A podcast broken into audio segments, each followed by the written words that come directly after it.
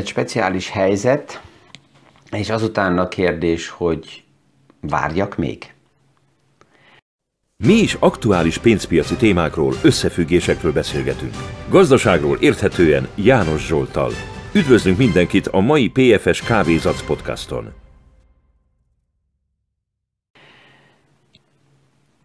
Az elmúlt héten egy pár napra visszahozottunk a hegyekbe, és így szinte 3000 méterről több sítórát, sítórára mentünk naponta fantasztikus környezetekkel, idővel.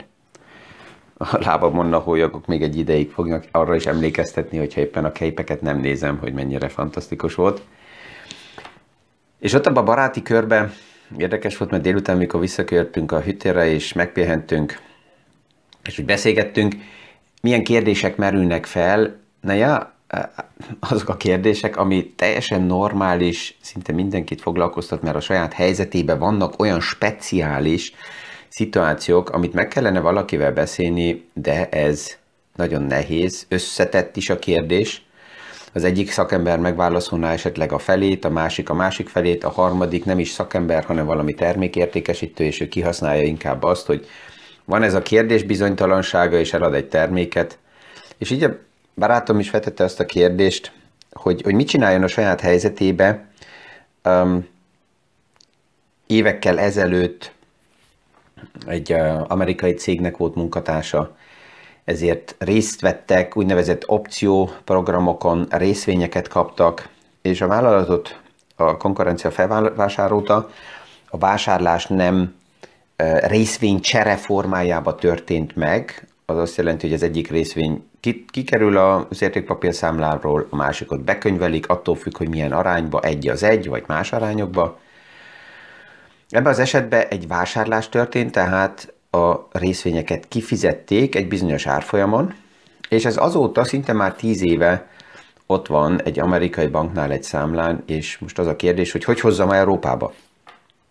Az első kérdés, amit persze, hogy érdemes megnézni, az az, hogy adó szemszögeiből az akkor lette teljesen tisztán kezelve, ugye a globális adó szabályok is ez a legtöbb országban is úgy van, hogy abban az országban, ahol a fő életközponton van, ott van az adó székhely, és ennek az országnak az adó rendszerébe illően kell minden globális bevételemet megadózzam, tehát az első kérdés ezt megnézni, hogy hallám annak idején a vállalatnak volt-e adóképviselője, ezt egy adó tanácsadó esetleg annak idején letisztázta, egy több ilyen esetet ismerek ügyfelektől, ahol a vállalatok mind service a nemzetközi oldalról létrejövő bevételeket a kollégáknak adó szakértőkön keresztül automatikusan kezeltetik, tehát ezzel akkor nem kell foglalkozni, és ez le van rendezve. Ha ez így van, akkor már az első lépése egyszerű a modellnek, mert akkor azt kell megnézem, hogy az itteni európai saját bankomnak van-e például egyáltalán dollár eh, számlavezetősi lehetősége, ha igen, akkor nyitok egy számlát, és át tudom utalni, és azután itt tudok váltani, és tudok vele tovább dolgozni. Ha nem lenne, hát akkor el kell menjek egy olyan bankhoz, amelyiknél van lehetőség eh, megfelelő devizanemű számlát nyitani, és akkor oda transferáltatom. De a lényeg legelőször minden esetre az adókérdést tisztázni, mert ez a folyamat elindul abban a pillanatban, hogyha bárhonnan, főleg nem Európából pénz érkezik egy európai bankba, akkor a compliance oldaláról biztos, hogy jönni fel a kérdés, hogy honnan van ez a pénz, hogy van ez tisztázva, és hogy néz ki a dokumentáció. Tehát az elsőre ez szükséges. Ott nem kell ügyeskedni, hanem ezt ebből a szempontból letisztázni. És ő is azután jött a következő kérdése, hogy de azután, hogyha majd itt lesz, akkor azzal mit tegyek? És akik így hosszabb ideje követek, a sejtik, hogy mint pénzügyi tervező az a véleményem, hogy egy ilyen esetben normálisan nullánál, mindegy, hogy hány éves elkezdjük, hogy megnézzük, hogy egyáltalán hogy néz ki a következő évekre szükséges cashflow terv, rövid, közép, hosszú távra, hogy néznek ki a következő generáció kérdések. Tehát, hogy a cashflow tervből indulva nézzük meg, hogy egyáltalán hogy és milyen portfóliót állítunk össze. És itt még egyszer is jött tőle is a kérdés, hogy jó, de hát egyáltalán érdemes most ezzel foglalkozni, krízis van, esetleg jobb lenne kivárni. És ma erre a kérdésre is szeretnék kitérni, hogy ezre jobb, jobb lenne kivárni, ez mennyire passzol, érthető alapreflexekből, de hogy néz ki a függöny mögött a tények, hogy mennyire érdemes kivárni. Kezembe akadt egy Bild Zeitungnak egy fő címlapja, Christine Lagarde és Christine Schnabel ki kellett mutatják, ezt ugye ők meg kell, meg kell mutassák, mint minden olyan vezető, aki fontos a pozícióban van, ki kell nyitsa a saját portfólióját, nyilvánosságra kell hozza, tehát ez nem volt megrepetés, nem volt valami leak story, és ebből lehetett látni, hogy Christine Lagarde és Christine Schnabelnak is a befektetései részvény alapokban vannak. És erre a Bild Zeitung írta, hogy hú, nem emelik a kamatot, mi szegényedünk, és ők közben gazdagodnak. Nagyon populista, nagyon egyszerű megközelítés. Alapjában ez nem felháborításra menne ez a kép, hanem inkább példakép lenne, hogy Christine Lagarde szerencsére érti, mint Fed, nem Fed, hanem Európai Központi Bank vezére, hogy hogy kell a befektetéseket kezelni, meg cashbe, likviditásba, napi szintű fizető eszközbe azt a pénzt érdemes tartani, ami kell rövid tranzakciókra, de ami befektetés, az nem fizetőeszközbe, pénz, pénzértékű eszközökbe van. És itt vannak sokan, akik várják azt, hogy, hogy legyen nyugodtabb idő, és amikor nyugodtabb idő van, ezt is sokszor hallom, akkor majd befektetnek. Most a napokban lesz 30 éve, hogy a pénzpiaci piacban dolgozom, és egyet ki lehet mondani, és ez az első legfontosabb, amit el lehet fogadni. Amióta a piacra dolgozom, vagy krízisekbe voltunk, vagy a részvények túl drágák. Állítólag. Olyan időszak, amikor higgadtan, nyugodtan, szinte válium bevétel utáni stádiumba építhetek össze portfóliót, ilyent én még nem láttam. És ha visszamegyek historikus összefüggéseket megvilágítani, azt is látom, hogy ez nem csak az elmúlt 30 évben volt így, hanem az elmúlt évtizedekben, évszázadban így volt. És ebből jön a második is, ami lényeges, hogy a tőkepiac, a tőzs, de azonnal általában nem eseményeket áraz be, hanem információkat. És általában az információk az események előtt vannak. Az árfolyamok ezek azonnal ezt beárazzák, és azt, azt is tudomásuk kell vegyük, hogy az árfolyamok nem véletlenből jönnek létre, tehát itt nem a, a, az égből esnek, zuhognak az árfolyamok, hanem napi szinten e, nem ezrek, hanem tízezrével a kereskedők világszerte, ezek profi uh, piacszereplők ott vannak, és minden információt azonnal áraznak be. Ezt miért tudják azonnal beárazni? Ja, hát ők mind ott ülnek egy Bloomberg rendszer előtt például, vagy más uh, uh, globális rendszerek előtt, és ahogy megjelenik egy információ, ez azonnal beárazásra kerül, bevétel és eladásból, mert minden ár azért jön csak létre, minden árfolyam, mert van egy vevő, van egy eladó, és ők megegyeznek egy aktuális fél áron. És ez azért is lényeges, mert mint privát befektető azból a naivitásból kiindulni, hogy nekem van egy ötletem, amit a hétvégén esetleg olvastam egy olyan újságból, amit a múlt héten szerdán e, valaki szerkesztett, és az információt megkapta azelőtt ő a hétvégi szaunába, hogy ez újdonság lenne, ami még nincs benne a piacban, az elég naív megközelítés. Tehát, hogyha megnézzük a COVID témát, ami aktuális problémák, a COVID témája az be volt sokáig árazva a piacokba, most már kezdik kiárazni. A beszállítási láncok problémái be van árazva. Az ukrán konfliktus be volt árazva, most már be van árazva a ukrán háború. A magasabb infláció a beszállítási láncok problémája miatt be volt árazva. Most a hosszabb infláció beárazódik. A központi bankoknak a politika váltása beárazódik. Tehát minden, minden be van azonnal árazva, és ezektől a dolgoktól, mint befektető, hogy féljek, hogy azért nem merek oda menni, mert ezek most problémát okozhatnak, ezek már be vannak árazva. Lehet, hogy túl agresszívan be vannak árazva, és ezért enyhülés lesz. Az is lehet, hogy súlyosabb lesz. És ez már, ez a lehet, ez a spekuláció része, Véleményem szerint ezzel foglalkozni egy nyugodt, higgadt portfólió összeállításánál nonsens. Mindig vannak valakik, akik állítják, hogy ők sejtik, tudják, hogy mi fog jönni, és lehet, hogy visszapillantó tükörből néha igazuk is van. És ez mind csak spekuláció, ez lényegtelen, hogyha egy egészséges, globális, széles portfóliót állítok össze. Egy, ami ma tény, és ezt lehet látni, hallani, érezni a szakmai szinten is, hogy rossz a hangulat. És bizonytalanság van a piacban. Historikusan, ha megnézzük, amikor ilyen hangulatok voltak, akkor volt ideális ott lenni, befektetni, akár újan kezdeni, mert ezek azok a paraméterek, amikor jobb, jobb helyzetből indulok, mint befektető ki. A globális piacoknak szeretném azt is röviden elmondani, hogy miért van újra és újra előnyük, és miért stabilizálja a globális piac, és alapjában a globális piac a befektetőnek dolgozik. Hogyha széles portfóliója van. Akik, akik mazsolázni szeretnének, azok általában, és nagyon sok privát befektető ebbe téved. Ezt mutatják számtalan piackutatás. Néha van egy ilyen lucky punch, egy szerencsefogás, és akkor egy pár privát befektető azt hiszi, hogy ő most érti és tud jósolni, és a, a kávézacot tudja olvasni. A podcastnak a címe is, hogy a kávézacból pont ezért választottam ezt provokánsan, mert semmi köze nincs jóslásnak a napi podcastokhoz, és az, aki ezt hiszi, vagy elvárja, vagy ezekre ad, az nagyon drágán rá fog fizetni. Tehát itt sem történik kávézat olvasás és a gömbből a jóslás, hanem a tényeket nézzük meg. A legtöbben sajnos, ugye akik mazsolázni szeretnének, a visszapillantó tükörből állítják össze a portfóliót, vagy vesznek ki dolgokat, aki 2020-ban bizonytalan volt, mert éppen ba, Covid van, pandémia, ezért nem jó befektetni, várjuk ki, hogy jobb legyen.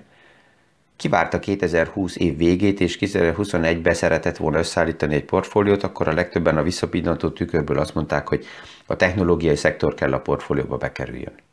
Ezt honnan tudom, hogy ez így volt? Hát lehet látni, mert 2021 márciusáig szárnyalt ez a szektor, jött minden csapból a pénz, ez fantasztikus a cégeknek, akiknek a pénz kell, azok kihasználták IPO-val, tőzsdére menetellel, részvényeket bocsájtottak ki, mert hát pont ezt kell csinálni, ha ömlik a pénz, mert hát valamiért a piac fut a divatok után, hát akkor kell ezt használni. De a befektetőknek nagyon el kellene gondolkozni, hogy éppen mit csinálnak.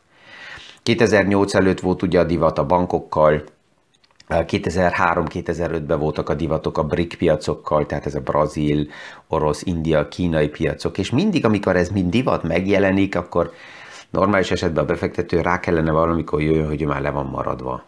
Mert ő az, aki most meg kell fizesse az eladott marketing után azoknak a nyertes, nyer, nyereségét, akik már rég higgadtan, nyugodtan bármilyen időben összeállították a portfóliót. A jövőre nézve nem tudjuk, nem tudjuk egyszerűen, hogy ki lesz tíz év múlva a legjobb um, mobiltelefon előállító, ki lesz a legjobb autógyártó, ki lesz a legsikeresebb cég, ezt nem tudjuk. De amit tudunk, hogy a minősége, a színvonala a gazdasági eredményeknek tíz év múlva jobb lesz, mint ma. És ezért ez a kérdés, hogy akkor most várjak, mert bizonytalanság van, és várjak jobb időkre, sajnos azt kell mondjam, hogy nonsens. Bármikor, mindig, és akár most is. Jó és érdemes portfóliókat összeállítani, az aktuális helyzetekkel dolgozni, és erre jön a következő gondolat, hogy hogy is néz ki a kép. Tehát ha a tőkepiacot ma nézzük, akkor a tőkepiac tőkét ad, ezt mondja ugye a neve is, tőkét ad, rendek, állít rendelkezésére a vállalatoknak. Tehát a nagyon sok ezer, tízezer nagy globális vállalat, amelyek kim vannak a tőzsdéken is, ők küzdenek a tőkepiacon, szerepelnek azért, hogy kapjanak tőkét a tőkepiacból. Tehát investáljunk, és ezért részesüljünk a nyereségekbe, részesüljünk a vállalatokba, és a tőkének mit kell adjanak a vállalatok? Nem terméket, hanem saját tőke rentabilitást. Tehát a tőke jön, megnézi, oké, okay, ha én oda befektetek, akkor mekkora a rentabilitása az én pénzemnek, és itt a kapitalizmus nagyon kemény. A befektető oldaláról ez fantasztikus. Miért? Mert elég, hogyha egy vállalat kevesebb saját tőke rentabilitást mutat ki, még nem kell legyen, csak gyengébb, mint esetleg a többiek. Már akkor radikálisan zuhannak az árfolyamok, a CEO-t kirúgják, és egyszerűen a kapitalizmus nagyon, követ, nagyon keményen beköveteli azt, hogy igen, neki kell a hozam. Ha így nézzük, akkor ez azt jelenti, hogy a kapitalizmus dolgozik a befektetőnek, főleg akkor, hogyha van egy nagyon széles globális portfólió, és a következő gondolattal erre szeretnék kitérni, hogy miért globális, miért beszélek mindig a széles, széles, széles portfólióról, és nem a magyar mazsolásokról. A széles portfólióban a konkurencia nekem dolgozik, mint befektető. Tehát az egyes vállalatok, hogyha egy szektor benne van a portfóliómban, és ott van 10 cég, akkor tudom, hogy ez a 10 cég egymás ellen dolgozik, kreatívak, innovációba mennek bele, jomlak akarnak lenni, nem csak a termékkel jó legyen, hanem ők nyereségesen is kell dolgozzanak. Tehát a konkurencia növeli a biztonságot. Az egyes munkatársnak, az egyes cégeknél ez a konkurencia persze, hogy nem biztonság. Mert az, hogy az ő cége öt év múlva még létezni fog-e, az ő munkahelye tíz év múlva lesz-e még? Hm. Ezt nem lehet megválaszolni. Ez bizonytalanság. De ez a bizonytalanság jó, mert ez a bizonytalanság növeli a kreativitást, az innovációt, az, hogy előre nézzenek, nézzék, hogy hogy tudnak jobbak lenni, mint a többiek. Um, itt, itt, ez érdekes, néha ellentmondás, hogy a bizonytalanság az összrendszernek bizony, bizonytalan, biztonságot ad. Nassim Taleb a, a könyvében az antifragilitás nagyon jól leírja azt, hogy mit jelent az egyes bizonytalanság stabilitást a nagy rendszernek. Azzal hasonlítja össze, hogyha ma valaki elrepül például New Yorkba, és szeretne egy jó vendéglőbe elmenni vacsorázni, akkor erre megvan a valószínűsége, lehet, hogy nem tudom, hogy melyik a legjobb vendéglő aktuálisan, de hogy New Yorkban van egy nagyon jó vendéglő, ahol nagyon jó tudok enni magas minőségen, ez megvan. Na most, hogy öt év múlva, ha New Yorkba repülök, akkor újra tudok-e nagyon jó enni-menni, akár még jobban, mint ma? Ennek a valószínűsége nagyon nagy. De hogy melyik vendéglő lesz az, ezt nem tudom megmondani. Mert a rendszeren belül ez bizonytalanság. Jön egy új, jön egy konkurencia, aki visszagyengül, a konkurencia fellépik, akkor valamelyik el fog tűnni, lehet, hogy az egyik a másikat átveszi, és ez van a gazdasági rendszerünkben is, hogy a bizonytalanság az egyes cég oldaláról, a bizonytalanság, a hiányzó garancia, hogy ez meg lesz-e vagy nem, ez oda vezet, hogy nőnek az innovációk. Ezt láttuk, ha összehasonlítjuk a szocializmussal, a kommunizmussal, ahol állítólag minden biztos, nincs konkurencia, ott lehet, hogy ez az egyes munkatársnak biztonságot ad, de az önc rendszernek ez egy katasztrófa, csökken a minőség, csökken a színvonal, csökken a kreativitás, mert nem kell küzdeni. Tehát a tőke az egy versenyt indít el, és valójában a tőkepiacokon ma tőkeverseny van. Tehát a befektetők azért kapnak direkt vagy indirekt nyereséget, hogy a pénzüket odaadják, és hova adják? Hát oda, ahol azt lehet látni, hogy, hogy több eredményt kapok, több hozamot kapok spekuláció nélkül. A spekuláció még, még rá tud erre jönni. Tehát, hogyha megnézzük a piacot, amikor jó hangulat van, akkor a cégeknek ez nagyon jó, nem kell küzdjenek a tőkéért. Ha jó hangulat van, akkor ömlik a, cső, a tőke, úgy, ahogy mondtam, minden csapból, jönnek a befektetők, akarják a befektetést, és a cégek tudnak válogatni meg tudják szabni a paramétereket, tudják csökkenteni az osztalékot, tudják csökkenteni a hozamkilátásokat, ekkor vannak az IPO-k, mikor tőzsdére mennek, ekkor mentek ki a specsek a tőzsdére. Tehát nem kell semmit csinálni, mert úszni lehet, itt csak aratni kell. Olyan nonsens cégek is kihasználták ezt a helyzetet, amelyek például az elmúlt években csőd előtt álltak, és valamilyen okokból elkezdtek szárnyalni a részvények, és erre fel mit csinált a vezetőség? Hát kibocsájtott új részvényt. Ez jó volt a befektetőknek? Nem is kell megnézzük, hogy hol vannak az árfolyamok. De jó volt a cégnek, és ezt kell megértsem. Amikor krízis van, akkor a vállalatok kell küzdjenek. Akkor nem jön a tőke. Akkor többet kell ajánlani.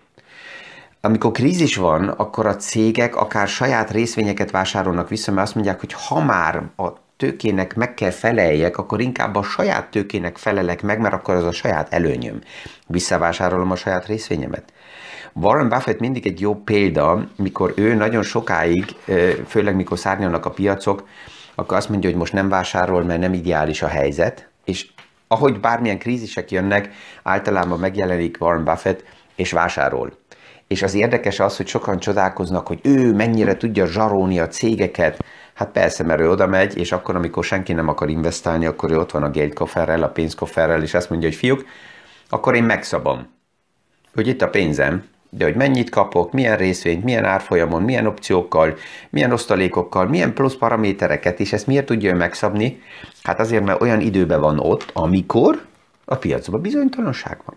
Hogyha ezt összevonjuk, mint mai konklúziót, akkor nagyon egyszerű krízisekbe a befektetési arányokat érdemes megemelni. Amikor a piacok nyugodtak, és nincs kvázi, nem érezzük úgy, hogy krízis van, akkor érdemes a cash tartalékot megemelni, hogy ha vannak krízis helyzetek, akkor legyen miből investáljak. Most összefoglalva, aktuálisan krízisbe vagyunk, nem úgy tűnik, mert a háború is a tőkepiacon a, a körbe paramétereket nem változtatta nagyon meg.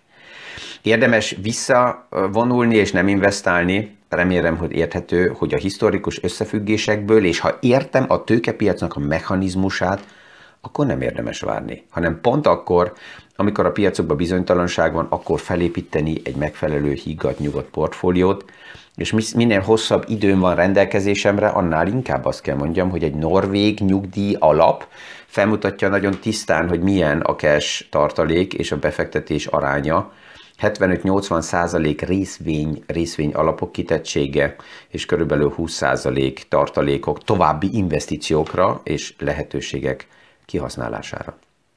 Ezzel ma is, mint mindig, kellemes hetet kívánok mindenkinek ezen a hétfő reggel, viszonhallásra a hónap reggeli PFS Kávézat podcastig. Mi is aktuális pénzpiaci témákról, összefüggésekről beszélgetünk. Gazdaságról érthetően János Zsoltal. Üdvözlünk mindenkit a mai PFS Kávézac podcaston!